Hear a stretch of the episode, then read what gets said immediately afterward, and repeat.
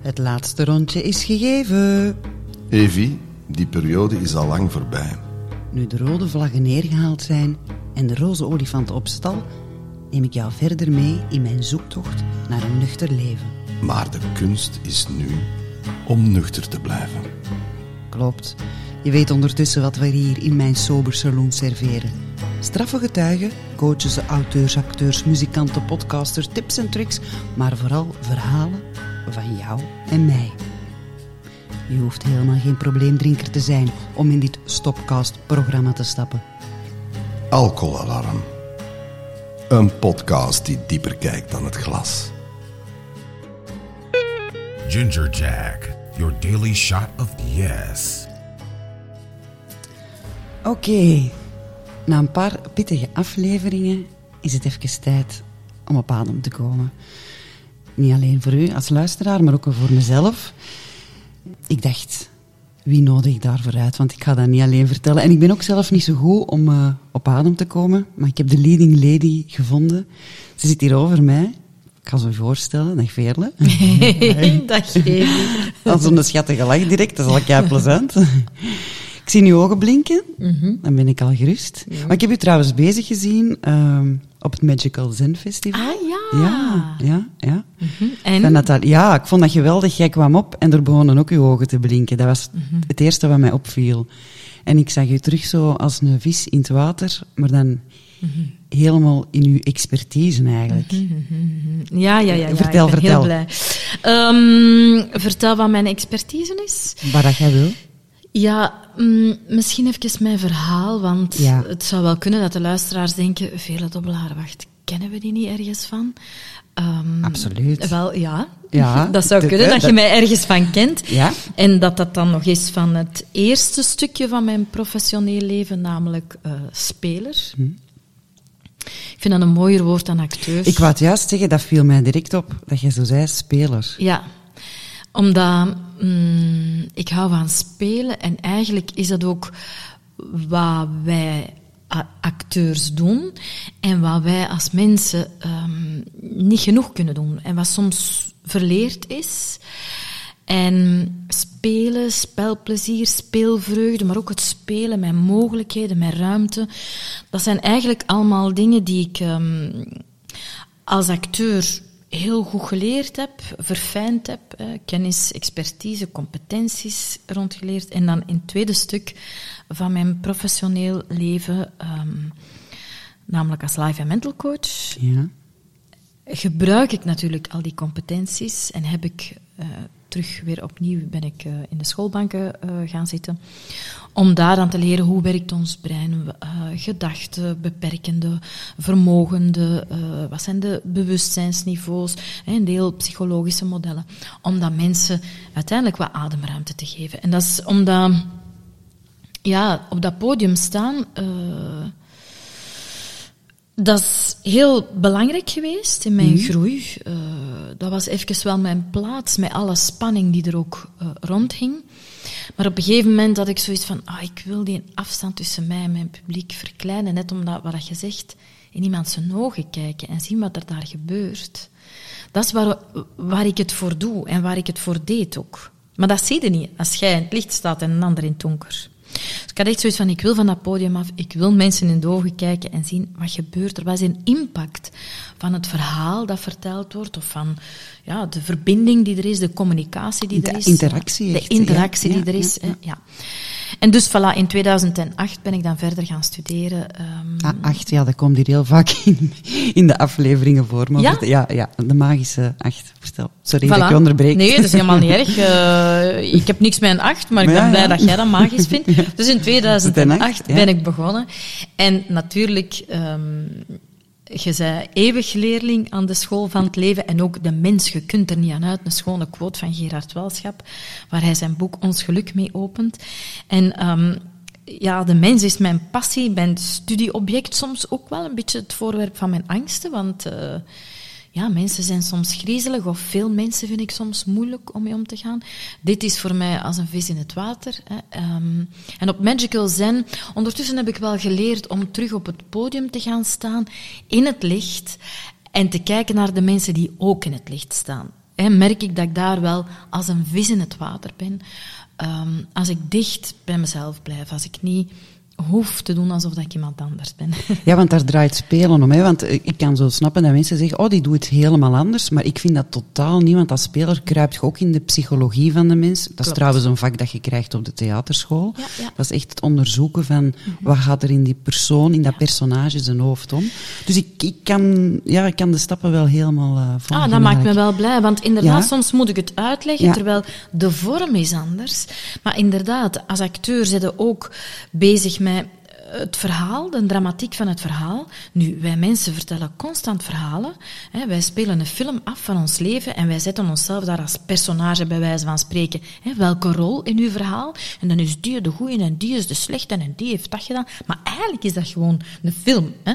Dus ik weet wel hoe dat, dat werkt. Storytelling... ehm, eh, ja, die verhalen, de dramatiek van de verhalen, personages, protagonist, antagonist, Ja, dus dat ken ik allemaal. ja. Daarnaast, een personage, als je een script krijgt, dat is dood. Hè? Dat leeft niet, dat zijn gewoon zinnen op een blad. En als acteur, als speler, blazen dat leven in. Maar dan moet je echt onderzoeken, wat maakt dat dat personage zich zo gedraagt. Want gedrag is natuurlijk het topje van de ijsberg. Dat is wat dat zichtbaar is. Maar onderaan... Wat zit er aan binnen, Wat zit er allemaal van binnen? Wat denken die mensen? Waar identificeert jij mee? Als jij hè, bijvoorbeeld als kind altijd gehoord hebt van... Kom jongen, eh, eh, eh, jij bent toch een loser.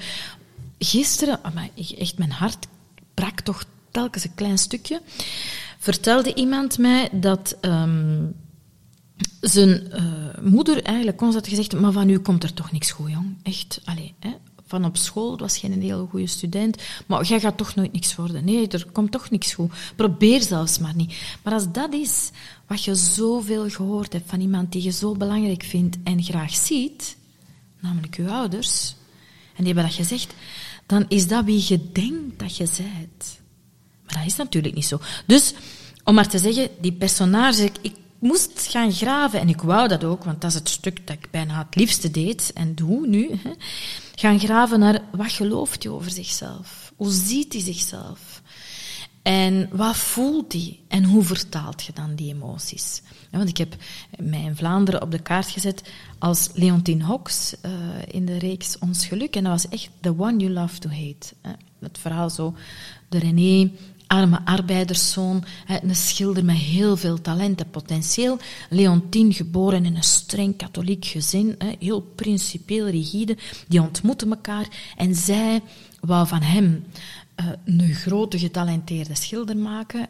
En hij wou gewoon dat ze, haar graag, dat, ze dat ze elkaar graag zagen. Dus Leontien was soms echt de bitch. Maandagochtend ging ik mijn kinderen aan de schoolpoort afzetten. En dan, keken, dan keken die ouders van... We hebben het gisteren weer gezien. Wat heb jij die een arme René aangedaan? Hè? Maar dan vond ik dat super interessant om te zien. Waar komt dat vandaan? Waar is die opgegroeid? Hoe komt dat dat zij zich zo gedraagt? Dat heb ik altijd het leukste gevonden. Ik heb ook als acteur heel vaak minder sympathieke personages gespeeld, net omdat wat er op papier in eerste instantie of op het eerste gezicht minder sympathiek is, hè, dat is maar een voorgevel, een cover van een boek. Maar als je begint te lezen, denk je, ah, dat, ah, dat wist ik niet zo. Amai, daar is ook dat. Ah, die heeft ook dat. En dat vind ik echt fantastisch. En dat is wat ik nu ook doe met mensen. Ah, we gaan eens dieper kijken. Ah, ik heb hier nog een kamertje. Amai, hier is een lichtzetel. Oei, daar op mijn zolderzakjes moeten opruimen. Ja. Ja.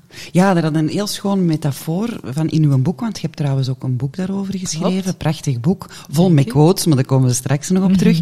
En dat vond ik een, een heel schoon metafoor in de zin van, we gaan altijd... Iedereen weet dat ik hier al een freak ben met mijn kasten. Je ziet er hoeveel dat er zijn. En dat moet perfectionistisch... Ge... Maar nooit gaan we eens van binnen kijken en eens kijken van... Oei, dat potje, is dat vervallen? Staat er al schimmel op? Vond ik een hele goeie. Is het niet een beetje soms ook vluchten van jezelf als je in een ander personage kruipt? Ja en nee. Het is te zeggen, ehm, er is iets heel dubbels aan. ehm, namelijk, het is enerzijds een bevrijding en geen vlucht. Het is via personages, verhalen, hè, door anderen geschreven, uzelf beter leren kennen. Hè, want als een personage heel boos of heel verdrietig is, nogmaals, dat is dood. Dus jij kunt alleen maar tot leven wekken als je zelf verbinding maakt met je verdriet of je boosheid. Hè. Dus het is enerzijds een manier om met jezelf te verbinden. Waar zit mijn verdriet? Waar zit mijn pijn? Ik ben ook een dramatische actrice. Ik ga graag naar de kelder Ja. waar het donker is. Ja. Hè. Ehm, om het dan naar boven te brengen en, en wat te verlichten. Maar dus enerzijds is het net een manier om heel dicht in en naar uzelf te gaan. En anderzijds is het ook wel, vluchten vind ik niet, niet juist, maar een veilige manier om u te laten zien. Want als je niet graag gezien wordt, zeg je, it wasn't me. Dat is mijn Ja. personage. Ja, klopt, klopt, klopt. Ja, ja. Nu, het wordt ook, ik las er onlangs nog een interessant artikel over van psychiaters, eh, niet in België, maar ik denk in Amerika, maar dat wil ik kwijt zijn, in een ander land in ieder geval, die echt werken met theater als therapie. Om net mensen dat stukje verbinding te laten maken met zichzelf, met hun emoties, maar ze ook op het podium te zetten, die dingen te laten vormgeven, hè, zodat ze daarmee leren omgaan. En die emoties terug oproepen. Terug oproepen, Ja. te durven tonen. Ja. Maar ook het zelfvertrouwen. Kijk eens wat ik durf. Amai, dat is toch niet zo erg van mij kwetsbaar op te stellen. En in eerste instantie is het dan een personage. Maar in tweede instantie leer je dan wel... Ça va, hè. Ça va. Ja, Het kan. Maar voor mij is dat wel... Het is enerzijds een manier geweest om wat mij het diepste drijft vorm te geven. En anderzijds een manier geweest om eh, dichter... Nee, om, om het mas ik had eerst het, het masker of het jasje, hoe dat je het ook wilt uitleggen, nog nodig om nu zonder op het podium te durven staan. Want ik ben echt geroepen om op het podium te staan. hè. Je hebt dat gezien bij Magical Zen. Als ik op het podium kom, mensen in de ogen kijk, iets zeg, hè, want mijn stem, daar heb ik heel veel feedback op gekregen, dus ik mag dat nu pakken. Mijn stem raakt mensen, hè, dan gebeurt er iets.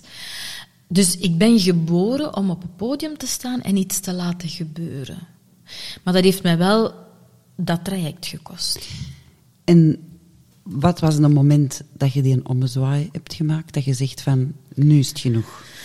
Ehm, ja, ik heb, ehm, dat staat ook in het boek, ik heb echt heel in die open, mm, is een stuk van mij gestorven. Dat wil zeggen, ik heb altijd veel angst gehad om op het podium te staan. Net omwille van de dubbelheid, eh, ook een stukje omdat eh, mijn mama, die, eh, die, die, die had veel artistieke ambities die ze niet mocht waarmaken. Dus zij projecteerde dat dan op mij. Ik was de oudste dochter, die al snel was duidelijk dat die zo wat artistiek talent had. Dus mijn mama had zoiets van, ah ja, wow, maakt jij Ja. dan waar wat ik niet kon waarmaken. Hè?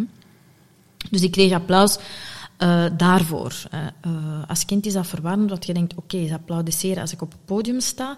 En als ik dan niet op het podium sta, zien ze me dan minder graag. Hè. Dus daar zit dan ook wel weer iets dubbel in. Ehm, dus ik had altijd schrik om te falen. Want als dat de manier is waarop dat je graag gezien wordt, in je beleving als kind, hè, ehm, dan moet het wel goed genoeg zijn op dat podium. Hè. Want als je daar graag gezien wordt en het is niet goed genoeg, dan wordt ook niet graag genoeg gezien. Dus er is altijd een spanning geweest tussen mij en het podium, of de velen die op het podium stapten. Maar naast de spanning was er ook een diep verlangen en een diep gevoel van, ik kan hier iets doen. Ik kom hier iets doen op dat podium. Er gebeurt iets als ik op het podium sta. Die feedback heb ik snel gekregen. Dus ik wist, dat is mijn plaats. Maar ja, dat is moeilijk. In ieder geval, ik had altijd veel stress. Hè. Echt, eh, in het begin met overgeven, knikken de knieën, CLA. Ik troostte me dan met het feit dat Jan de Cleyers, die is ook altijd heel zenuwachtig. Zelfs Jacques Brel schijnt dat hij ook echt omkwam van de zenuwen. Ja, en een mens die dat dan niet snapt, die denkt nu, wat doet uw eigen aan? Wat doet u eigenlijk? Ja, maar... maar- hoe vaak dat ik gezegd heb, ik moest geen actrice worden van mijn moeders. hè? Maar ja, Ja, eigenlijk was het een beetje wel waar. Maar ehm, dat is, je kiest daarvoor en toch krijg je er veel stress van. Hè? Ehm, maar ik troostte me dan, ja, ik ben niet de enige. Er zijn nog wel grote mensen die dat tegenkwamen. Maar op een gegeven moment had ik de fout gemaakt, of natuurlijk nadien niet, maar om ja te zeggen tegen een monoloog. Want Ik wil echt samen met mensen als speler een verhaal naar de mensen in de zaal brengen waar dat er iets gebeurt. Hè? En dat je, of dat je nu publiek bent of op het, op het podium als speler staat, je voelt allebei, oh, deze hier gebeurt iets. Maar op een gegeven moment zei ik ja tegen een monoloog, dus er stond niemand niet meer naast mij om samen een verhaal te vertellen. Het was ik alleen op dat podium in de spotlight kijkende in een zwart gat waar ik niemand zag en ook niemand voelde. En daar zijn al mijn demonen opgestaan en hebben gezegd: Yes, nu hebben we vrij spel. Dus ik was echt zo bang. Ik dacht, hyperventileer, dat ik echt ging doodgaan. Wat ik dan allemaal verzonnen heb, ehm, een voorwerp waar ik mij, hè, dat ik meenam, dat ik dacht, oké, uh, dit is mijn anker. Um, een technieker die in de coulissen ging klaarstaan voor, moest ik flauw vallen, dat er zeker iemand was. Het licht in de zaal een beetje, hè, dat stemde we dan af, hè, het licht een beetje zodat ik de mensen zag. Enfin, Je werd een echte diva zo? ik werd een echte diva, inderdaad, ja. Allemaal om die angsten te bezweren. Ja, ja, ja, ja. En dat lukte niet. Dus op een gegeven moment, um, want natuurlijk, je kunt geen kalmaas nemen als je een monoloog aan het vertellen bent. En de ironie nee. wou dat de monoloog ging over een, um, een meisje die vertelde dat ze eigenlijk droomde van marinebioloog worden. En uh, ze ging op school uitstap, ze was 16 jaar, met haar klas naar, uh, ik zal maar zeggen, Aquatopia, zo'n zo'n zo'n ja, soort zoo. En er was dan een heel groot aquarium met roggen. En ze was daar naar aan het kijken, hè, want marinebioloog, roggen, oh, fantastisch. En ze staat voor dat raam in volle bewondering te kijken en ze voelt iets en iemand achter haar. En ze wordt eigenlijk tegen dat glas geplakt en met dat ze kijkt, voelt ze hoe dat ze verkracht wordt. Hè. Dus een heel pakkend verhaal en ik vertelde dat eigenlijk heel ingetogen. Ik zat gewoon op een stoel, hè, hoe dat, dat voelde en dat voelde en ik kon niks zeggen en mijn mond daartegen, maar ondertussen zag ik de vissen zo. En hoe meer ik het gevoel had dat ik aan het sterven was, hè, hoe meer ik dacht, oh nee, ik kan, ik kan niet met mijn angsten om, hoe meer ik dat gevoel had, hoe spannender dat was, hoe spannender dat het publiek het ook ervoer. En hoe groter het applaus nadien was, ah, maar je hebt dat goed gespeeld. Ah ja, ik ging bijna echt dood. ja, ik voelde de spanning hier al. Ja, ja, zo, ik was al mee het verhaal. Voilà. Maar dus, dan heb ik samen met uh, mijn huisarts en de therapeut die mij toen begeleidde, die hebben gezegd, bon, veel gestopt. Uh, Wat ook een heel moedige beslissing dat was een is. Want ik, las het in, ik vond dat chapeau, hè, want een acteur gaat niet zomaar zeggen van... Echt niet. Nee, dat is het laatste wat wij doen. Hè, ja, exact. Dat wordt ook geleerd. Je komt altijd ziek of niet ziek. Er mag iemand sterven. Doodvallen. Ik ben al op filmsets gekomen dat ik dacht, ik ben meer dood dan levend. Ja. Maar dat gevecht kon ik niet winnen. Maar dat chapeau dat je dat gedaan hebt, echt waar. Ja, dat, dat was heel moeilijk sterk. natuurlijk. Ja, dat was sterk, maar dat was ook heel lastig. Ja, tuurlijk. Hè, want er door. je laat acteurs in de steek, je laat dan ja, ja. gezelschap in de steek voor je gevoel. Hè. Maar, bon. Dus, en toen dacht ik, oké, okay, zo gaat het niet meer. Want ik was, hè, wat ik net zei, ook in therapie. Mm -hmm. uh, ik vond dat interessant naar mijn personages, maar ook naar mezelf. Hè. Dat is wat jij daarnet zei. Zo, ik begrijp soms niet goed dat mensen hè, kijken, kennen van alles. Wat zit er in mijn kleerkast? Wat zit er in mijn ijskast? Hè. Ondernemers, wat zit er in mijn stok? Wat zijn mijn cijfers? Maar je kent je eigen interne keuken niet. Dus naast het feit dat ik dat interessant vond, vanuit mijn vak, om ook bij mezelf te graven, had ik ook wel wat patronen en wat ja, wat, wat, pijntjes tot grotere pijnen, hè, die iedereen meekrijgt vanuit zijn opvoeding, want ouders zijn ook maar mensen. Um, dus ik was in therapie en op een gegeven moment weet je dat dan wel. Analytisch, je ziet wel, ja, dat is op mij geprojecteerd, ja, dat doet pijn, ja, mijn vader is, heeft dat, ja, dat geloof ik, ja, ja. Maar het is niet omdat je dat weet, dat er ook iets gebeurt. En toen dacht ik, ja, Cognitief ga ik er niet meer geraken. De analyse, het is op. Het is op ja. En dan ben ik bij Edelmaaks terechtgekomen. Ja. Um, die werkte toen nog aan uh, de universiteit in Antwerpen als psychiater en dus ook mindfulness uh, trainer. Daar heb ik een intakegesprek mee gehad. Uh, nu, ik ben ook madame de spons. Hè, alles wat er ja, te voelen valt, zeggen. pak ik op. Um, dat is een groot talent, maar als je niet goed weet wat je die spons moet leeghalen, dan zit, dan zit het soms wel eens overprikkeld en over weet ik veel wat. Dus... Um, ik heb dan die acht weken mindfulness-based stress reduction gevolgd. En uh, dat heeft uh, mijn leven veranderd. En En mee de richting nu bepaald. Het was een beetje van, ah, wacht, je kunt ook gewoon voelen en zijn en kijken, wat is er nu? Hoe verhoud ik mij tot dan nu? Wat triggert er mij? En dan de triggers van de buitenwereld of van uw eigen gedachten gebruiken om op onderzoek te gaan en de knoop wat meer te ontwarren. Hè, om dan een vrijer leven te hebben met meer speelruimte en spelplezier. Want dat is uiteindelijk, denk wat iedereen wil. We willen op ons sterfbed liggen en achterom kijken en zeggen: Ah, ik heb genoten. En dat betekent niet dat het geen zeer mag doen. Hè? Want nogmaals, ik ben een dramatische actrice. Ik hou van pijn als in... Ik geloof dat er wat pijn, wat wrijving, wat frictie nodig is, omdat... En dat ziet je ook in de natuur, hè, ook, ook systemisch. Een systeem verandert niet zomaar. We zijn niet gemaakt om spontaan zomaar grote veranderingen we hebben iets nodig, iets dat moeilijk is, iets dat schuurt om wat te gaan veranderen. Dus, en pijn is een middel. Ik vergelijk het graag met zo als je hier hè, een pot water zet um, op het gasvuur en je steekt er je hand in. Ja, als er niks gebeurt, dan laat je je hand daarin zitten. Maar als je dat uh, aansteekt uh, en het wordt warmer en warmer, op een gegeven moment kun je die warmte niet meer verdragen. Is dat te heet, gaat je pollen verbranden en trekt die het terug. En dus we hebben momentjes nodig dat er iets is waardoor we ons terugtrekken. En de trigger kan een uitnodiging zijn om te gaan kijken, wat doet dat met mij? Waar komt dat vandaan? Waar kan ik daarin opkuisen? Om nogmaals hè, dat stukje speelruimte, die dan zorgt voor dat stuk plezier. Ook dat is iets wat ik heb mogen leren. Ik hield veel meer van de donkerte. En nu gebruik ik de donkerte om licht te maken. Dat is straf, hè? Dat is heel herkenbaar, want ja, ook in dat rock bottom moment, ik had dat even nodig, denk ik. Anders hadden wij er ook vandaag gewoon niet gezeten. Klopt. Dat is gewoon een feit. En dat licht dat je gaat opzoeken, dat, dat uit zich in niet alleen de mensen rondom mij, de persoonlijkheden, maar ook in kleine dingen. Hè. Wat, wat draag ik? Ik was vroeger een die altijd zwart, zwart, zwart. Ik, was ook, mm. ik werd altijd getriggerd wanneer, allez, zo naar het onguren is niet het juiste woord, maar zo naar de figuren ook, naar de mm. mensen. Natuur zou ik donkere plaatsjes gaan opzoeken, nu ga ik het licht opzoeken. Mm. Dat is dus allemaal, ja, ja, dat is allemaal heel herkenbaar wat je zegt. En dan bij Edel heb je dan uh, die mindfulness gedaan neem ik aan ook stappen naar meditatie toe, want mhm. dat is vooral veel mediteren. Mhm.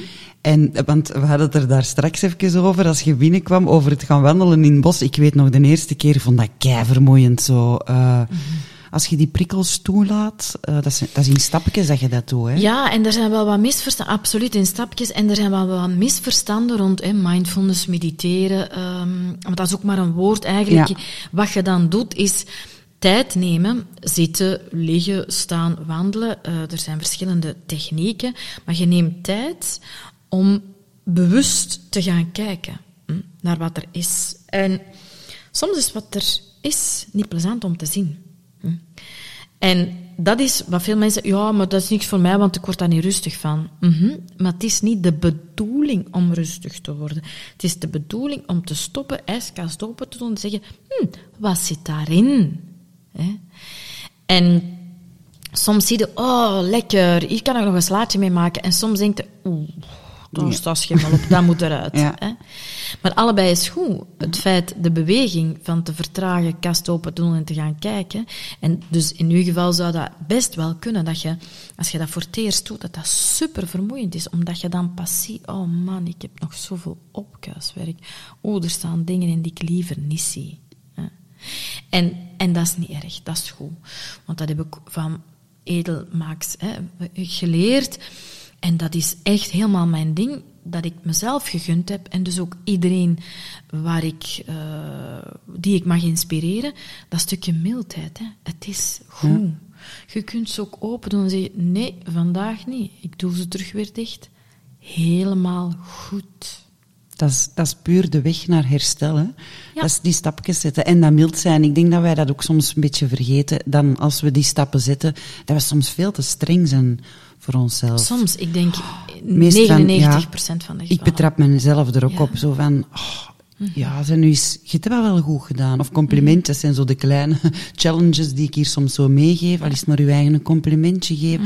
Maar zoals gezegd ook, laat vandaag dat kastje niet toe. Dat mag ook. Dat is ook oké, Tuurlijk. Ja. Dat is ook oké. ja. Het is het bewustzijn. Ah ja, ik Ja. heb een kast en nu niet. Ik ga er nu niks mee doen. En zo leerde ook eigenlijk op de dag te leven. De present zegt, hè? Ja. Mhm. Ja. ja, ook dat, hè, dat stukje nu. ehm, spijtig genoeg is daar eigenlijk te weinig kennis over dit soort dingen. Gelukkig is de wetenschap, en dan meer bepaald neurowetenschap, daar heel grote stappen in aan het zetten. Hè. Ons brein, hoe werkt dat, neuroplasticiteit enzovoort. Maar het nu wordt nog te vaak eh, weggezet als wow, zweverig, terwijl één, hoe troostend is dat? Het is altijd nu. Dat wil zeggen dat op ieder moment heb je een keuze. Heb je een speelvlak waarin dat je kunt kijken, heb de ademruimte waarin dat je kunt kijken, wat kies ik? Op ieder moment. Ook al heb je er juist iets gedaan waar je van denkt, oh fuck, echt waar, I did it again. Nu kun je zeggen, hmm, ik zie dat ik daar iets gedaan heb. Wat wil ik daarmee doen? Kan ik dat herstellen? Wil ik dat herstellen? Eh, wat neem ik daarvan mee? Ik vind dat echt fantastisch. Het is altijd nu. Daarnaast is dat ook gewoon puur hard, hè, vanuit, vanuit, vanuit het ondernemend en businessstukje. Het enige moment waarop dat je daadwerkelijk iets kunt doen en veranderen, dat is nu. Ik kan nu dingen inzien en er nu iets aan doen. Gisteren, dat gaat gewoon niet meer. Hè. Dus nu is een bom van mogelijkheden. En als we daar geen gebruik van maken, wat ontzeggen we ons dan allemaal? Ik vind dat echt fantastisch. Als je daarin stapt, in oh, wat is er allemaal mogelijk? Dat is dat moment, hè, wat ik daarnet zei, van ik was 14 jaar, mijn mama nam mij mee naar de Schouwburg, ah ja, hè, want haar artistieke ambities. En ik zit met mijn mama in de stad Schouwburg in Sint-Niklaas naar een stuk te kijken, wat ik eigenlijk ehm, niet goed begreep. Dat was het park eh, van Botto Strauss, gespeeld door de mannen van de Dam, met Josse de Pauw en Sam Bogaerts. Ingewikkeld vond ik dat, maar ik weet nog wel, op een gegeven moment komen die acteurs de zaal in. En dat publiek ook. En je voelt die bunch of acteurs in de zaal en die mensen die denken, "Oh, wat komen ze doen? Dat, dat is nu. Die, Ja. die, ja. dat moment, wat gaat er adembenemend? Ik wou zeggen, en je haalt even uw adem Ja. in. Ook, ook iets, ja, dat viel me direct op zo. Ja, ja, voilà. Vandaar in mijn boek. Ademruimte. Adem, ik heb de Ademruimte Academie. En dat is... Natuurlijk is er ook ademen en ademhaling. Dat is het en het laatste wat we doen. Hè. Maar ademruimte is natuurlijk veel meer. Mentale ademruimte, emotionele ademruimte, financiële ademruimte. Alles is ademruimte. En vandaar heb ik dat gekozen, want ik hou nog altijd wel van taal en van woorden. Als, eh, als je genoeg ademruimte hebt, dan kun je op adem komen. In onze taal zit zoveel verwijzingen naar dat. In heel veel oudere talen is adem en leven eigenlijk één woord. Dat is fantastisch, hè? En dat is ook zo. Dus ik vind dat zo schoon om dat te gebruiken, ook in de taal adembenemend, ademloos, eh, ademnood, ademruimte, adempauze. Allee, Ja, die ruimte is een kleine nuance, maar ja, een wereld van verschil. Hè. Behalve ademen, het is die ruimte dat je ook geeft. Hè. Zoals vermalen project zou zeggen. Ja, ja, voilà, voilà. Nee, maar het is een... Ja. Ja. maar heel veel mensen ademen ook verkeerd. Hè. En dat is eigenlijk al de basis. Hè. Een goede ademhaling is eigenlijk de gecombineerde borst. Klopt. Ja. Ja. Ja. hangt er vanaf wanneer. Hè. Ehm, maar een ademhaling als geen rust zit, bijvoorbeeld ik, en waarschijnlijk jij ook, ik adem gewoon vanuit mijn buik. Hè. Dat is een gewone ademhaling waarin dat je... Uw longen zijn een soort karaf, laten we zeggen, hè, een waterkaraf. Ah, ik dacht dat je ging zeggen wijnkaraf. Dat gaan we niet doen, hè. Een Nee, maar waterkaraf. wa- iedereen zijn drankjes. Hè. Ehm, maar, hè, dus laten we ons nu, voilà, het past binnen deze context, een waterkaraf gebruiken. En als je daar water in giet, dan vult die zich van onder naar boven. Hè. En zo zien onze longen er ook uit. Als je daar lucht in laat komen, eigenlijk is de bedoeling dat die zich vullen van onder naar boven. En als je heel veel stress hebt, Gaat meer dan, van boven ja, ademen, dan hè? ga je Ja. naar boven ademen. En dan is die onderkant, die benut je niet. Maar die onderkant, ons lichaam is fantastisch eigenlijk. Hè. Die onderkant, onderaan je longen, als je van daaruit vult, dan zorgen je longen voor dat je diafragma, je middenrif, in beweging komt. En je diafragma is, als je nu lacht of hoest, hè, dan ha, ha, ha, voelde dat zo bewegen. Als je de slappe lach hebt, dan krijg je de buikpijn. Dat is omwille van ons diafragma. Dat is eigenlijk een spier en die zorgt ervoor dat die organen gemasseerd worden. Hè, Oh, dat klinkt al goed. wat heel goed is voor Ja, je darmen, et cetera, ja, et cetera. Ook onderaan onze longen, in de longblaasjes, zit, die kunnen het meeste zuurstof naar de organen doorlaten. Dus als we niet goed ademen, dat wil zeggen de karaf vullen van onder naar boven. Als we te veel stress hebben, te veel zorgen, te veel in onze fight, flight, freeze modus zitten, die is er een bijgekomen, hè? Dat is er Welke? een faun. Please gedrag. Ah, Maar echt. oké. We moeten Ja. maar eens gaan... Ja. Dat zal ook, wel- dat is, dat is waarschijnlijk een strategie. ja. Het is wat hè, onderbrekken, voilà. ja. Nee, nee, nee, nee. Dan, wel, dat, als je dus te hoog ademt, dan ja, mist een hele hoop dingen waarvoor je lichaam eigenlijk uitgerust is. En dus vandaar is het belangrijk, en is die adem als handvat, als stoel, wel een hele gemakkelijke om te gebruiken om je lichaam wat te sturen en dus ook een beetje je brein te sturen. Want lichaam en geest zijn verbonden. Hè? Eh, Wat we denken, wat we voelen ehm, en hoe, hoe we ons fysiek voelen, heeft gewoon een impact op elkaar. Ja, het, want het, door de juiste ademen gaan Mhm. we meer aarden, gaan we er ook staan. Dat is ook het eerste wat je leert op de the- theaterschool, hè, leren ademen. Hè? Ja. Dus ja. Mhm. ik snap de link ook he- helemaal. Dus dan de stappen dat je zet, gaat die een basis al eigenlijk helemaal ja, als mee. acteur kun je, Je kunt niet anders. Dat Je kunt niet anders. Voordat je opkomt, Ja. ook als je zenuwachtig bent. Tuurlijk. Ja, maar ook in het vormgeven van personages. Hè. Ja. Ik heb veel eh, Disney-filmpjes ingesproken. En dan werkte natuurlijk alleen maar met je stem. Hè. Maar hoe, hoe geefde een personage hè, dat al voorgetekend is, ehm, hoe vertaalde die emoties dat door je ademhaling... Hè, oh, ze schrikt. Ja. Dat, hè, dat zijn allemaal dingen met onze adem. Dus onze adem vertaalt heel veel. Dus ik zie ondertussen als coach hoe mensen ademen, hoe het met een emotie is. Dat is ook heel Vlaams, je zult dat wel herkennen. En misschien ook bij jezelf, als je zo voelt, ah ja, er juist gebeurde het. Hè. Eh, Bij de fotograaf Veerle die hier was, die werd emotioneel. En wat doede, dat is zo not done nog steeds in onze maatschappij, dat die adem stokt. Hè. Door je adem Ja. op te houden, kun je eigenlijk echt de poort naar je emoties blokkeren. Dus mensen gebruiken dat en je stokt dat. Maar je lichaam vergeet dat niet. Hè? Je lichaam vergeet niet dat er eigenlijk iets in beweging is gezet wat er niet uit kan. Dat was zo'n mooie reactie erop. Dat was zo, doe maar. Ja, ja, plaats voor emotie, Ja. zei jij. Dat was, ik kreeg, er- ik kreeg er kiekenboebelen van. Deed direct zo'n stapje terug. Ja, dat was echt, echt schoon om te zien. Maar dat- omdat je ook zegt, ook weer herkenbaar, ik ben een spons. Mhm. Hoe bakende je dan je grenzen voor jezelf af? Omdat ik kan aannemen, Ja. Mhm. als coach kom je heel veel in contact. Het is, mensen... Hè? Ja. Ik heb dat echt geleerd. Ik heb dat niet meer. Ik neem dat niet op. En als ik de stukken die ik opneem, weet ik van... Ah, daar kan ik dan zelf eens mijn kast open doen. Want Ah, dan ja. zit er bij mij nog iets. Ja. Omdat... En dat is eh, ook dankzij het werk dat ik als acteur heb gedaan. Zo veel leren, eh, emoties ontdekken, directeren, vertalen. Ondertussen weet ik dat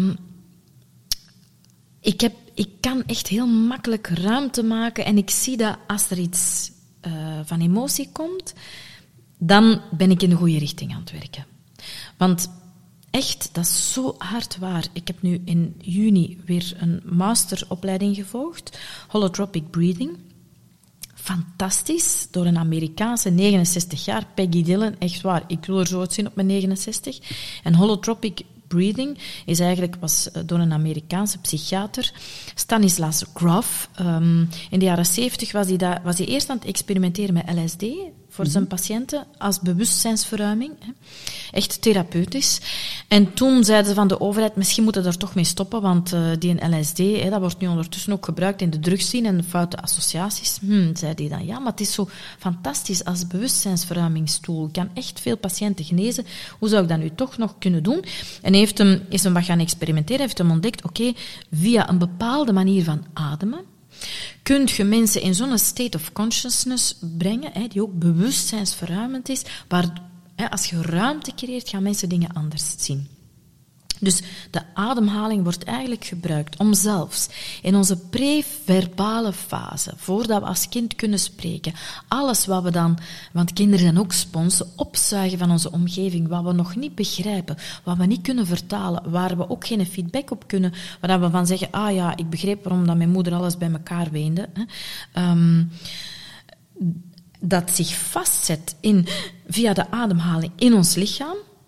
En daar kunnen direct via uw ademhaling terug ruimte aangeven en verlossen. Dus ik ga op zoek naar emoties om mensen dingen in beweging te krijgen. Dus ik weet, in plaats van ze vroeger als spons binnen te pakken, weet ik van, ah wacht, ik heb de andere een stukje bevrijd van iets. En dat kader, die manier van denken hè, en daar zo naar kijken, zorgt ervoor dat ik het niet hoef op te nemen, want het is van een ander. Ik mag het bij een ander laten. En ik mag ook zien, ah ja, er is wat ruimte gecreëerd bij iemand anders. Doordat ik die ruimte maak en niet vind dat ik er iets mee moet doen. Want dat is natuurlijk een reflex. Hè. Ik heb een muziek doen die we allemaal hebben vanuit een superschone intentie. Als moeder naar mijn kinderen heb ik dat ook vaak fout gedaan. Ah, kom hier, kindje. Ik wil u troosten. Maar ik, eigenlijk communiceren dan soms, dat is te zwaar voor u om te dragen. Zeg, kind, zal ik het in uw plaats dragen? Want ik geloof niet dat jij dat kunt. Terwijl ik nu zoiets heb van, jij mag dat alleen dragen. Ik klop langs u en ik zal er zijn als je mijn hand nodig hebt, maar ik weet zeker dat jij sterk genoeg bent om dat te dragen. Wauw. Het is een heel andere insteek. Heel ja. anders, ja. Maar dat moet ik nog leren, absoluut. Dat moet ik nog leren. Mhm. En wat doet dat dan met u als je dat zo hoort? Hoe, hoe voelt dat dan?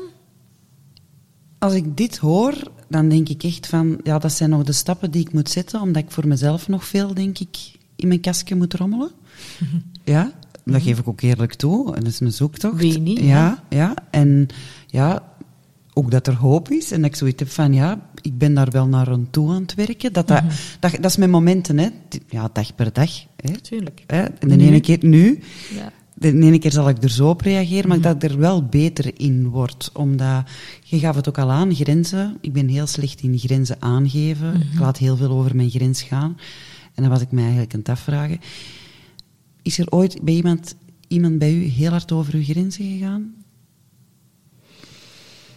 Dat gevoel Vast krijg ik soms. vast zo, en zeker. Ik weet niet waarom Ja. dat ik die vraag nu stel, maar zo van, oh, die is heel hard gekwetst geweest. En die is ermee aan de slag gegaan en die is er zo sterk Mhm. van geworden. Wel, ehm, er zijn vast en zeker heel veel mensen over mijn grenzen gegaan. Als eerste mijn mama. Hè, door zo mij niet te zien als kind en haar verlangens daarop te projecteren. En ehm, ik weet nog, in de les Nederlands vroeger, en ik weet al niet meer van wie dat was, maar was er een, een, een gedicht. ehm, uw kinderen zijn uw kinderen niet.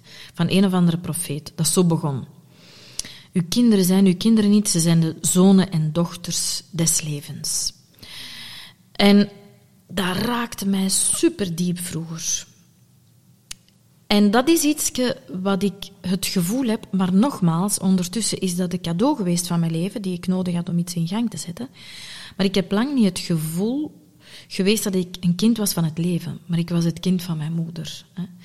En ik, en ik was er om iets waar te maken wat zij niet had mogen waarmaken. Zij, zij mocht niet gaan dansen, zij wou graag als ballerina zich ontwikkelen bij het Ballet van Vlaanderen, en dat was not done. Ehm, ik ben geboren en getogen in Sint-Niklaas, dus ja, Antwerpen was uh, Ja, seks ja. en drugs en rock en roll. en dan al zeker als meisje, Ja. hè, uit een heel eenvoudig arbeidersgezin. Die mensen hebben ook de instrumenten gekregen en de overtuigingen gekregen. En ze wilden het beste voor hun dochter. En ze wilden dat hun dochter een gelukkig leven had. Dus dat is van, ja, maar als, als ballerina ga je geen gelukkig leven hebben. Doe jij maar school, juffrouw. En dus mijn mama zat daar heel erg met een grote droom en een groot verlangen, waar ze geen blijf mee wist. Hè. Waar als ze dan nogmaals, hè, al snel was het duidelijk als kind dat ik wat dat betreft talent had. Hè. Ik, ik, eh, op school las ik een gedichtje voor en mensen werden stil. De dictie, hè, ik kreeg goede punten, mensen werden stil. Dus ons moeder had zoiets van, oh, ik heb een dochter, zie wat die kan, doe nog eens iets, doe nog eens iets. En ik, Madame de Spons, was daar gevoelig voor. Hè, dus je hebt dan een groot please-gedrag, een groot verantwoordelijkheidsgevoel, ook in mijn gezin. Ben ik de eerste, de oudste, die dan met ouders, die dan ook een heel moeilijke, rare relatie hadden samen, een heel groot verantwoordelijkheidsgevoel. Dus ik heb mijn grenzen heel veel laten overschrijden, want er is niemand die dat doet behalve jij. Je geeft anderen een mandaat om dat te doen. En dat is ook goed, want dat is wat ik nodig had. Om eerst mij heel klein te voelen, om dan mij heel donker te voelen, om dan het licht echt als een kuik uit zijn ei te breken en te zeggen: oh, Ik hou van van het ritueel van de zweethut. Ik weet niet of dat je dat al gedaan hebt. Nee. ja, dan de volgende zweethut neem ik u mee.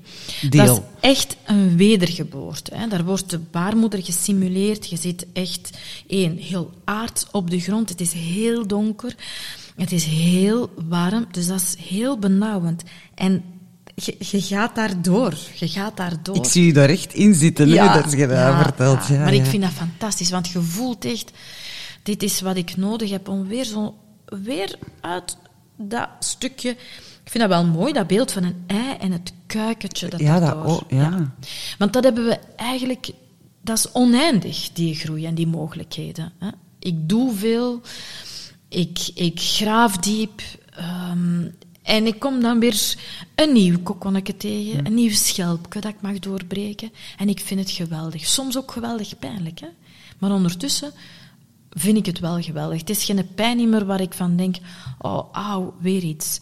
Pas op, er is een tijd geweest in mijn hè, persoonlijke ontwikkeling, het, het stukje hè, leiderschap en opstaan voor dingen, dat ik dacht, oh, zeg, ben ik er nog niet? Maar ja, er bestaat niet. En nu weet ik dat al. Nu heb ik zoiets van, ja, er is weer iets nieuws. Soms is dat vermoeiend. Ik weet niet of je dat boek kent, Hoe ik groei.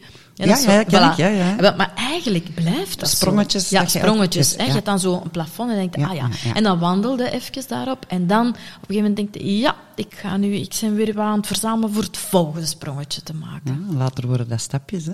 Ja. Ja. Ja, Ja. eh, eh, ja. zo even voor mezelf ook. Ja, ja maar zo is het wel. Hè. Mhm. ja.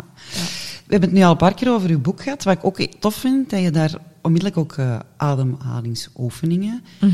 eh, in opneemt. Ik heb er een paar geprobeerd. Een bekende daarvan is, die ik al een paar keer was tegengekomen, ook bij fascia. Ik weet niet of je fascia ja, ja. Heb ik een paar keer, dat is de 478. Ja.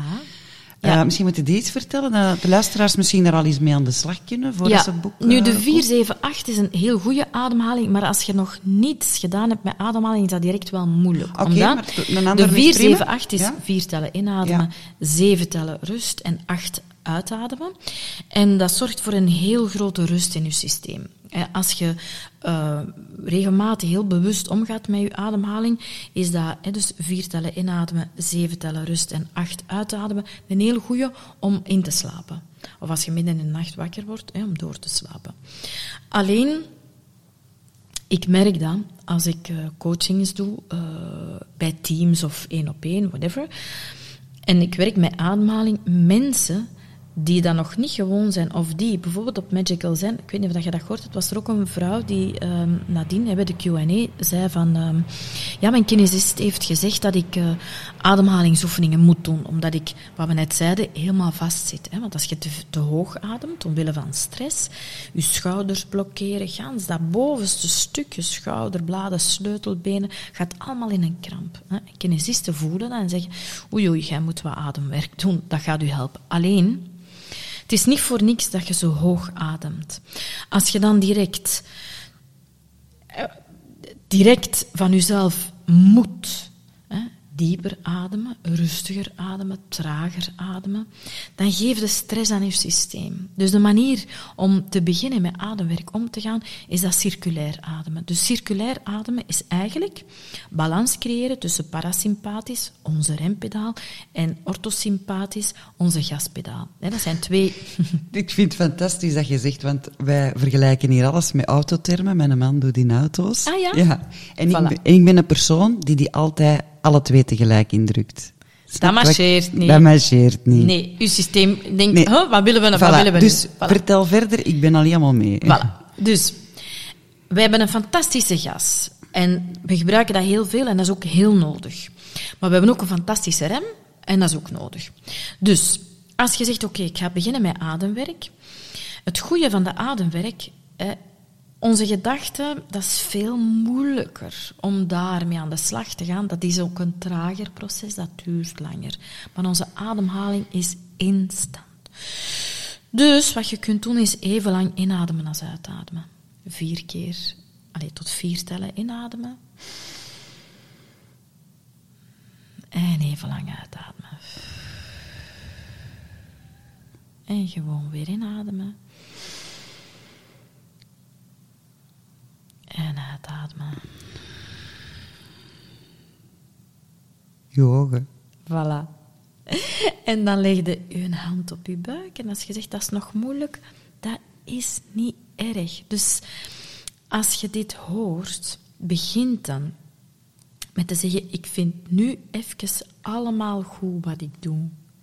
En ik vind nu even allemaal goed wat ik tegenkom. En als je je hand op je buik legt en je ademt in, terwijl dat je tot vier telt, en je ademt weer uit op uw tempo, hè, maar even lang uit als inademen, al wat er moeilijk is, is toch goed genoeg. En als je daarmee begint, en je doet dat iedere morgen en iedere avond, die kleine stapjes maken, en dat beloof ik u, een groot verschil. Zelfs na een week al. Laat staan binnen twee weken. En dan kun je gaan zeggen, oké, wat heb ik nu wat meer nodig? Mijn gaspedaal, dat is inademen, of mijn rempedaal, dat is uitademen. En dus in de vier druk je maar kort op je gas. De zeven houden nog in, je doet niks, om dan de acht weer uit te ademen. Dus dat is heel erg je systeem uitnodigen om te rusten, te vertragen, te vertragen. Maar een auto die op 140 rijdt, die kun je niet direct tot stilstaan. Die remafstand is niet groot genoeg. Dus je moet eerst trager rijden, om dan veilig te kunnen stoppen. En dat is wat er te vaak gebeurt. Mensen rijden hard. De kinesist, een dokter zegt, ah, je moet leren stoppen. En die denken, want die rijden niet voor niks zo hard. Hè. Dat zijn perfectionisten, we willen het goed doen. En de ratrace, eh, En nu zegt een dokter, hè, en ik luister toch goed, want daar ben ik, ja, ik ben zo geconditioneerd, ik moet goed luisteren en ik moet voor mezelf zorgen. En die gaan dan eh, remmen. Maar dat gaat niet, je slipt. Burn-out. Burn-out. Dus het is goed. Gewoon even lang in als uitademen. 's morgens Ik was weer al een stap overgeslagen, hè? want ik ging al voor de 4, 7, 8. En als ik nou eens begin met In en 4, uit. Ja, echt hè, echt. Doe dat gewoon. Doe jezelf kan die het cadeau. doen. Kan het doen. S'morgens een minuut, twee minuten, drie minuten en s'avonds ook. En heel bewust, hè. Ik doe dat en dat is een cadeau. En ik doe dat goed. Wauw. En dan zie je, na twee weken, drie weken gaat je zien, er is al een grote verandering. Wat kan ik nu nog? Misschien mag ik, voor ik ga slapen, wat langer uitademen. In plaats van vier in, vier uit, vier in, vijf uit, zes uit. En zien, hoe brengt me dat rust? Word er al helemaal rustig van nu. Zie je dat? Fantastisch, Ja, fantastisch. leuk, hè? Ja, zalig. ja, want we hadden nu zo het over het ademen. En dan ben ik aan het denken, ademen, ademruimte. Mhm. Maar ademruimte is ook eh, meer dan dat, dat er strak al verteld. Ja. Hè? Want het eerste waar we denken is dan de ademhalingsoefeningen. Mhm.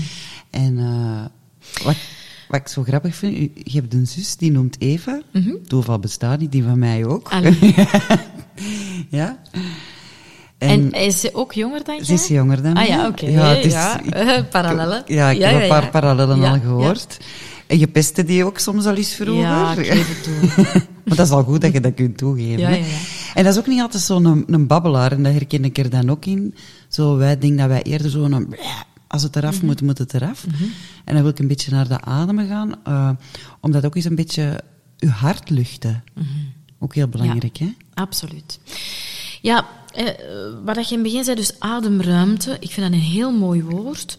Mensen vragen mij, ja, mm, wat doe jij nu eigenlijk? En eh, dat dat is ontstaan uit de denkoefening, Ademruimte Academie, omdat zo live en mental coach, dat is zo droog. hè. Maar wat is het resultaat ervan? Als je dat goed doet als coach, en dan hebben mensen ademruimte. Nogmaals, in eerste instantie mentaal. Hè, want op het eind van je leven ga dan niet zeggen, ik heb goed kunnen ademen. Nee, je gaat zeggen, amai, was, ik, was, ik voelde mij gelukkig. Ik voelde mij vrij. Ik voelde mij veerkrachtig. Ik voelde mij, ja, de baas van mijn eigen leven, hè, achter het stuur zitten. Dus vandaar dat de Ademruimte Academie en ik, als coach, natuurlijk werken wij met ademhaling, maar dat is een middel, nooit het doel. Hè. Het doel is vrijer leven. Vrijheid is speelruimte. Dat stukje. En emoties, dat stukje uw hart luchten. Uw hart is het orgaan waar eh, geassocieerd wordt met emoties. Dat hebben wij niet goed geleerd als Vlaming. We hebben geleerd om flink te zijn en sterk te zijn en rap te stoppen met benen. We mogen wel blij zijn, maar ook niet te uitbundig. Eh, dus in die Vlaamse aard, die Vlaams geklei, hebben wij toch eerder geleerd, zijn we geconditioneerd om klein, hè, eh, klein, doe maar, doe maar gewoon. Doe maar dat is al genoeg. ja, Hè? En uw hart luchten is natuurlijk niet hetzelfde dan uitvliegen tegen mensen, maar is ook daarin het stukje verantwoordelijkheid nemen voor uw emoties die goed doorvoelen en van daaruit, amai, dat, dat, dat doet dat met mij, dat triggert mij daarin. Hè, dat, dat, dat voelen, daarmee leren omgaan, door er een grote verantwoordelijkheid over te nemen en te durven zeggen, oh, dat, dat doet mij zeer. Als jij dat tegen mij zegt, dat kwam echt binnen, dat heeft me pijn gedaan. Dat triggert iets in mij. Ik voel me dan zo mislukt, ik voel me dan zo gefaald. Maar zie, dat soort communicatie, hoe vaak durven mensen dat voeren met elkaar? Als jij dat zegt, dan doet dat dan met mij. Dan voel ik mij klein. Oh, amai. Zie eens wat een ruimte dat je laat aan de ander. Amai, dat was helemaal niet mijn bedoeling. Oké, fijn te horen dat dat niet je bedoeling was. Eh, hoe zou ik dat dan anders kunnen doen? Of hoe kunnen we elkaar daarin horen? Dus uw hart luchten is een fantastische manier om ook verbinding te creëren. Om op te durven staan en te laten zien wat dat doet met u. En een andere echt de mogelijkheid te geven om u te helpen. Ik moet dat tegen u niet vertellen. Hè. Je hebt een ongelooflijke strategie ontwikkeld. Maar iedere strategie die je ontwikkelt om te overleven, is op een gegeven moment op. Hè. En dan denkt je, oké, bon. eh, ofwel zie je dat en je denkt, hm, ik ga iets anders doen. Ofwel zie je dat niet en dan, ja, allee, rock bottom maal duizend. Again en again en again. Hè. Want die overlevingsstrategieën, als je echt wilt leven, dienen die u niet. Echt leven is daarin ook echt helemaal... Ik hou van dat stukje leiderschap, dat persoonlijk leiderschap. Als in, ik ben leider van mijn eigen leven. Ik kom op voor wat ik voel. Ik durf daar iets mee te doen. Ik durf dat te tonen. Ik durf dat te onderzoeken. Vandaar dat ik ehm, zo hard... Ik heb een leiderschapstraject, dat ik... eh, ik wil dat nu toch even zeggen dat ik begin dit jaar in de wereld heb gezet en dat daarop gebaseerd is. Want mijn hart klopt echt voor organisaties. Ik vind organisaties, net zoals het nu, een manier, een vehikel om zoveel schoons te organiseren. En net in die organisaties zit zoveel ziekte ook.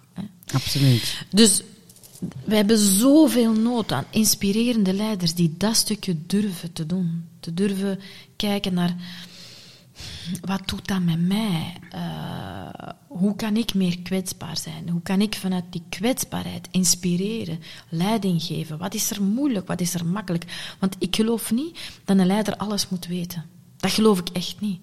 Integendeel, ik geloof dat hij echt mag zeggen: hm, mannen, hier weet ik het ook even niet. In dat leiderschapstraject zat een commandant uh, van de brandweer. Echt een fantastische leider, die het echt anders wil doen dan dat leiderschap van een vorige eeuw. Waarom? Omdat ik het zeg. Hè. En die zei van, als ik mijn mensen de ruimte geef, als er een brand is, ze hebben hele heldere afspraken. Als er een brand is, als er crisis is, dan hoort of zie je me niet, behalve in geval A, B of C. Weet de specificaties niet meer daar rond. Maar voor de rest geeft hij zijn mensen de ruimte om zelf de dingen te doen. En zijn mensen weten, hij is er. In geval van nood is hij er. Maar anders mogen we het zelf doen. En als er echt iets misgaat, in geval A, B en C, is er hij ook. Zal hij wel ingrijpen. Wauw! En dat is wat we toch nodig hebben. Betere leiders. Ja. En, en hoe vertaalt zich dat dan?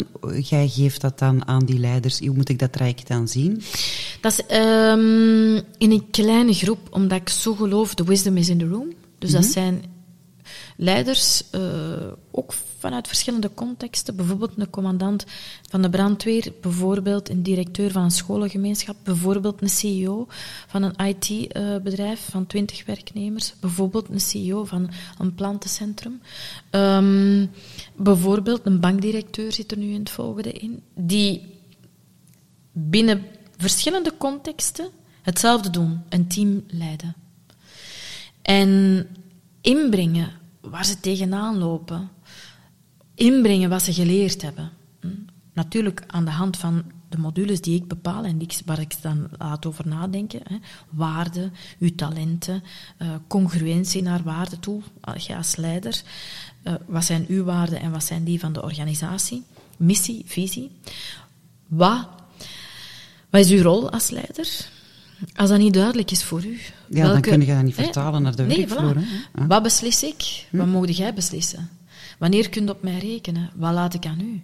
Dat is zo vloe dikwijls. Waardoor dat mensen niet weten, ja, wie neemt er beslissingen? Is het hij? Moet jij alles doen? Dus dat is iets wat eerst voor jezelf heel helder moet zijn. En dan helder gemaakt wordt in de communicatie naar je team toe. Uh, ik begeleid ze dan ook. Hè, we doen supervisies, intervisies, uh, procesmatig. Als jij beslist dat dat uw rol is als leider, breng dan een case in en dan gaan we dat proces bewaken. Waarin heb jij gedaan wat je zegt en waarin heb jij het overgenomen? Of waarin heb je het te weinig ondersteund? Super waardevol. Ja. Maar stel je voor, ik ben nu een brandweercommandant. Ik zeg dat nu omdat mijn papa dat vroeger was. En ik Ah, wil ja. dat traject doen.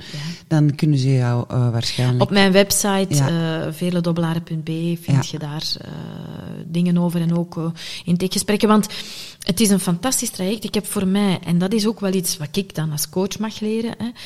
Um, ik heb ondertussen heel veel geleerd. Dus zoals ik net zei, ik volg minstens één opleiding per jaar bij. En dan is het een beetje kiezen ook. Uh, wat wil je doen? Want je kunt alles doen, maar dat is voor niemand goed. Dus ik heb echt gekozen naar dat model, waar ik niet alleen zelf in geloof op basis van wat ik gezien heb binnen organisaties, maar ook wat ik het liefste doe. En dat is enerzijds in een groep zoveel dingen inbrengen dat er op een gegeven moment wel van alles ontstaat, zowel moeilijk als gemakkelijk. Ik hou ook van frictie. Mm. Hè. Alles wat onder tafel geveegd wordt, denk ik, jee, dat zijn kansen, dat halen we eens boven. Zie je wat er daar gebeurt? Hè? Want als je in een kleine groep iets veilig maakt, is alles wat er met gelijk wie gebeurt, kansen om te leren, ook voor de anderen. Dus ik gebruik graag de kleine groep die je veilig maakt, en daarnaast het één op één stukje omdat er zijn stukken die je dieper mocht uitspitten in een één op één. Dus dat is de manier van leren. Samen zijn in een echte ruimte, in kleine groep. Samen zijn in een echte ruimte, één op één, om echt de dieperik in te gaan. Samen zijn in intervisiemomenten, in Zoom, van oké, wat heb jij deze week tegengekomen? Waar loopt het tegenaan? Hoe kijkt, hoe kijkt de ander naar? Wat kun je daarvan leren? En dan die supervisiemomenten als in het proces begeleiden. Dus ik, ik weet dat dat werkt, omdat dat iets is wat ik zelf zo graag doe. En als je daar uw kennis en al uw liefde, uw hoop, uw vertrouwen, uw veiligheid, dus uzelf insmijt, ja, allee, dan kun je ja. mensen inspireren. Hè? Dat is nu dat één uh, vak dat je behelst en dat je kei goed doet, maar stel je voor, ik ben gewoon een luisteraar, ik ben geen leider. Ja. Wat kan je dan voor hem betekenen? Dat is het mooie, vind ik, van de Ademruimte Academie. We hebben echt een grote missie. Wij, ik geloof, of wij geloven, dat als je genoeg ademruimte creëert, dat mensen gewoon zichzelf mogen zijn. Hm? Dus dat is wat we willen. Dat is heel belangrijk. Ja. Jezelf zijn. Hè? Gewoon jezelf zijn. Ik ben meer dan goed genoeg. Het is meer dan goed genoeg. Ik ga mijn hand al op mijn buik leggen. Hè. Ja, ik ben er al. Dus dat stukje. Dus wij willen enerzijds heel veel mensen bereiken. Met kleine stapjes te zetten. En dat doen we door onze online programma's aan te bieden. We hebben gratis programma's. Programma's van 21 euro, 28 euro. We hebben een abonnementsformule, 14 euro per maand. En voor 14 euro per maand Heel toegankelijk dus. krijgt, ja, heel, heel toegankelijk, krijgt je enerzijds ademhalingsoefeningen, anderzijds coachingoefeningen, staat daar eens bij stil, onderzoek dat is. Maar ook ehm, een audiobibliotheek met gedichten die ik voorlees. Er zit van alles in. En live momenten. Minstens één keer per maand. We hebben een live meditatiemoment. We hebben ook een live moment waar wat cases ingebracht worden. We hebben experts waarmee dat we samenwerken. Dus je hebt daar heel veel voor 14 euro per maand. Dat is heel toegankelijk. En anderzijds hebben we ook live dingen. Bijvoorbeeld een dag zelfzorg. Dat, is, dat heet dan Date met mezelf. Waar ik net over vertelde. 18 september. Dat is zo één keer per jaar vieren we feest. Omdat, hè, wat ik zei van die donkerte naar het licht. Maar dat doen we wel op een manier met lekker eten, fantastische muziek, lekker drinken, alcoholisch en non-alcoholisch. Ehm, ik lees een gedicht voor, we doen samen onze ogen dicht. Dus dat is dan live en natuurlijk, dat zijn allemaal schone partners waar ik mee samenwerk, dus dat is wat duurder. Dus dat is niet voor iedereen, maar dat hoeft ook niet. Want Maar voor iedereen, is er voilà. wel. Voilà. Ja. Want ik zie hier ook eh, een super tof mini-programma dat je Ja. Mhm. uitzonderlijk aanbiedt. Minder piekeren willen we dat allemaal niet. In ieder geval meer rust in ons Ja. hoofd. Dus dat is inderdaad iets op de website. Dan kun je dat eh, heel snel vinden. Het gratis programma om een beetje wat meer rust in je hoofd te Maar dat zal ervaren. al de eerste stap zijn om dan daarna misschien... eh, Ja. ja kei tof. Tof. En wel, dat is al een proeverken. Ik Ja, vind wel, dat ik vind dat belangrijk. wel, ja, ja. Dat mensen eens kunnen proeven van, van de Ademruimte Academie. En in dit geval hè, van mij, mijn stem, Mhm. mijn manier van doen. Want dat is helemaal niet schooljuffrouw. Ik ben geen schooljuffrouw, maar dat is eerder zo wat In nonchalant. en dat, nee, voilà, hè, ja. Maar misschien, ja, als mezelf wel. Misschien zijn er mensen die zeggen, oh, dat is toch niks voor mij. Dus dan kunnen dat al eens proeven. Proeven. Is dat iets voor u, dan kun jij meer. En is dat niks voor u, joh, dag. Dan vind je echt andere mensen ja, die je kunnen We bieden hier van alles Voilà. aan. Voilà. Ik heb voor u ook een proevertje, trouwens. Ja. Het staat hier voor u. Gaan we eens klinken? Ginger Jack. Ja, eens even Yes. drinken, hè. Cheers. School. School. Ik heb het nu met mango ijsblokjes gedaan, want mijn ijs was op, maar dat is kei lekker. Super lekker. Ja, ik vind het echt heel lekker. Het is voor mij een ontdekking. Ik had dat nog niet geproefd. Ik had het nog niet geproefd, ik kende het zelfs niet. Je kunt dat eh, ook in uw thee doen. Dus nu de zomer bijna gedaan is, we gaan er nog niet aan denken, maar je kunt het dus ook mengen in uw thee. Je kunt er van alles bij Oké. kappen. Ja. Ja. want je hebt het nu niet verdund, hè? Ik heb het nu niet verdund, alleen ook die lekker. ijsblokjes, Ja. eh, die na een tijdje zo'n beetje... Ja, ja, ja. Ja, dus... eh, Ja, ik ben fan. Want ik drink ook niet vaak. Ik drink af en toe wel eens, maar ik drink eh, eerder heel weinig alcohol. En eh, ik vind dat niet moeilijk. Wat ik wel moeilijk vind, is dat er geen alternatieven zijn. Ik drink ook niet graag frisdrank, zo Ja, cola en zo. Dus en, om dan een hele avond water... Ja, dat is- Dus dat is heel fijn dat er meer en meer non-alcoholische alternatieven Eindelijk. zijn. Eindelijk, ja. Door podcasts Ja, zoals ook- deze ja, ja, ja, en door onze luisteraars, die ik altijd oproep, nog eens een warm. Als je ergens komt en je ziet niks op de kaart staan, vraag ernaar. Zodanig gewoon die bewustwording dat er meer en meer... Ja, want je hebt ook zo eh, van die alcoholvrije Aperol spritsen, vind ik Ja. ook lekker. Ja. Crodino. Enfin, er begint meer en meer Crodino te komen. kun je er ook bij doen, ook. Ah, ja? Of met tonic, ook goed. Ah. Je kunt eigenlijk kun je ginger jack... is een goeie Ja, mixer. dat is een kei goede Ja. mixer. En ik mag nu uitzonderlijk ook ehm, behalve dan u een fles meegeven, uiteindelijk om u te bedanken Dank dat je hier bent. Maar ik mag onze luisteraars, die er trouwens ook helemaal wild van zijn, een mooie korting aanbieden. Als ze online bestellen, ehm, krijgen ze 4 euro korting en moeten ze de verzendingskosten niet betalen als ze twee flesjes. Dus dat is altijd goed meegenomen. Prachtig. En ook als uw flesknop is, Veerle, je weet Ah, ja. weg, hè, online kun je En welke bestellen. code heb ik daarvoor nodig? Alcoholalarm. Alcoholalarm. Dat ga ik nooit niet meer vergeten, Nee, denk ik. nooit meer. nee.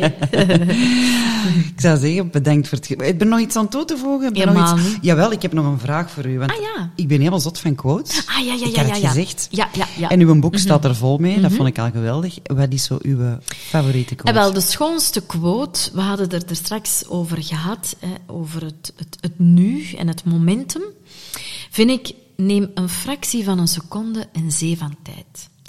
Omdat mensen denken, ja, maar ik heb geen tijd om aan mezelf te werken. Ik heb, ik heb echt geen tijd om op adem te komen.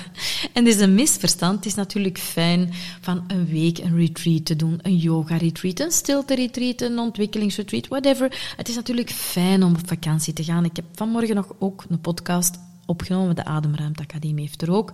Ja. Omdat er een vraag was gekomen, hoe kan ik ehm, mijn vakantie blijven behouden, ook na 1 september. Maar vakantie is een gevoel en we kunnen niet allemaal constant op vakantie gaan. Dus in die fractie van een seconde kun jij toch het gevoel oproepen van vakantie. Kun het gevoel oproepen van plezier. Kun het gevoel oproepen van genieten. En je hebt daar maar een fractie van een seconde van nodig om zo even in die zee van tijd hmm, een adempauze of whatever, wat dat je wilt. Dus ik vind dat zo schoon dat je... Ken jij nog Tita Tovenaar? Mhm. Ja, Hè? tuurlijk. En dan deed hij dit Piep. En en alles staat stil. Dus op gelijk welk moment kun je dat doen en even alles laten stilstaan om zo... Voilà, Dikke merci. graag gedaan.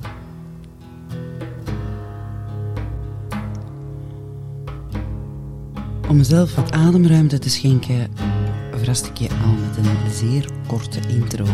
En nu zoom ik ook heel kort in hoe Veerle eigenlijk te werk gaat. Maar natuurlijk niet zonder eerst een stukje te verklappen waar we het in de aftertalk nog over hadden. Want Veerle die voelde heel sterk aan dat ik moeite heb met grenzen stellen. En ja, ze stelde me daarom voor om eens in te tekenen bij haar eh, online programma. Ja, want grenzen stellen, dat gaat ook over doseren, leren luisteren naar mijn lichaam. Zoveel meer natuurlijk. Dus echt wel een uitdaging nog voor mij. Eh, want ik durf soms nog lichamelijk en geestelijk helemaal in het rood gaan. Ik beken dat. Ik ga dan soms zo in overdrive, dat ik zelfs de vraag krijg of ik gedronken heb. Komt keihard aan. Ik ben daar soms niet goed van, dat ik zelfs die vraag eh, krijg. Maar ja, who blame them? En eh, we hebben in vorige aflevering al eens uitgelegd dat het reptiele brein dan wordt uitgeschakeld. Maar ik moet dringend ook eens op onderzoek wat het brein doet bij paniekaanvallen. Die heb ik gelukkig nog maar heel weinig, maar ze zijn er nog. Nu, om te weten hoe die eh, programma's van Veerle in zijn werk gaan, nam ik de proef op de som. En ik schreef me dus in in dat laagdrempelig betaalbaar online programma. En eh, zo gezegd, zo gedaan. Eh, na de online kick-off, waar Veerle persoonlijk ook aanwezig is en je duidelijk uitlegt hoe het programma werkt, verdeelden ze ons eh, in breakout rooms. En daar kan je dan connecteren met eh, andere deelnemers. En vervolgens kreeg ik dan toegang tot het programma dat je eigenlijk op eigen tempo kan doorzwemmen. Dat doe je dan aan de hand van filmpjes en eh, taakjes, waar je dus op jouw tempo als het ware doorheen gaat. En hoe dat verder afloopt, ja, dat pik ik later nog op. Maar ik ben dus heel benieuwd of je zelf ook al aan de slag wilt. En eh, ik zou gewoon zeggen, niet twijfelen, je hebt eigenlijk niks te verliezen, want er staat dus, zoals gezegd, speciaal voor jou een gratis mini-workshop te wachten. Ja, en eh, ze heeft er een schoontje uitgekozen waar we ons allemaal, denk ik, wel in kunnen vinden. Minder piekeren. Ja, en doen we dat allemaal wel eens niet.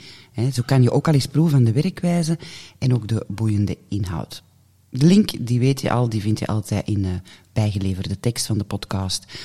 Dit gezegd zijnde, ga ik nu een meditatieoefening doen, want dat is een heel goede oefening die Lou me vorige aflevering al kweekte, en we hadden het er vandaag ook al over. Maar sorry Lou, ik moet even zeggen, die koude douche ochtends, dat is echt niks voor mij met mijn reuma-rug als een bomma. Ik heb echt heet water nodig om bewegelijk te zijn. Bij mij heeft zo het effect van een koude douche, alsof je afwast met koud water in een sopje. Blinken zal ik dat nooit niet doen. Nee, niks voor mij. En weet je, dat is ook eigenlijk helemaal oké. Waarmee ik opnieuw wil benadrukken, doe waar jij je goed bij voelt. Ben je geholpen met enkel ondersteuning van boeken of podcasts, dat is helemaal oké. Maar weet dat er gewoon een supergrote waaier is, die ik hier niet allemaal nog ga opnoemen, geen bang. Gewoon eens luisteren naar de hele reeks van de afleveringen, als je nog maar net aansluit. Maar het is aan jou zelf om uit te zoeken wat persoonlijk bij jou past. Ik geef alleen maar een voorzetje. En nou ja, voordat ik het vergeet. Volgende week neem ik je mee op een heel foute wandelroute. Maar laat je niet misleiden, hè. De waarheid, die slaat erna harder tegen uw kop dan je denkt. Want ik smijt er opnieuw waar rock and roll tegenaan. En dat doe ik met niemand minder dan... Ja, zou ik nu wel zeggen? Ja, nee, ik kan dat niet verklappen. Als je niet kan wachten, check het op social media of ga eens pepeloeren tussen de YouTube-filmpjes. Uh, die vind je onder mijn naam en, wat had je gedacht, de playlist Alcoholalarm. Stay tuned en dank allemaal voor de support. En niet vergeten... Neem een fractie van een seconde en zee van tijd. Ginger Jack, your daily shot of yes. Thank you.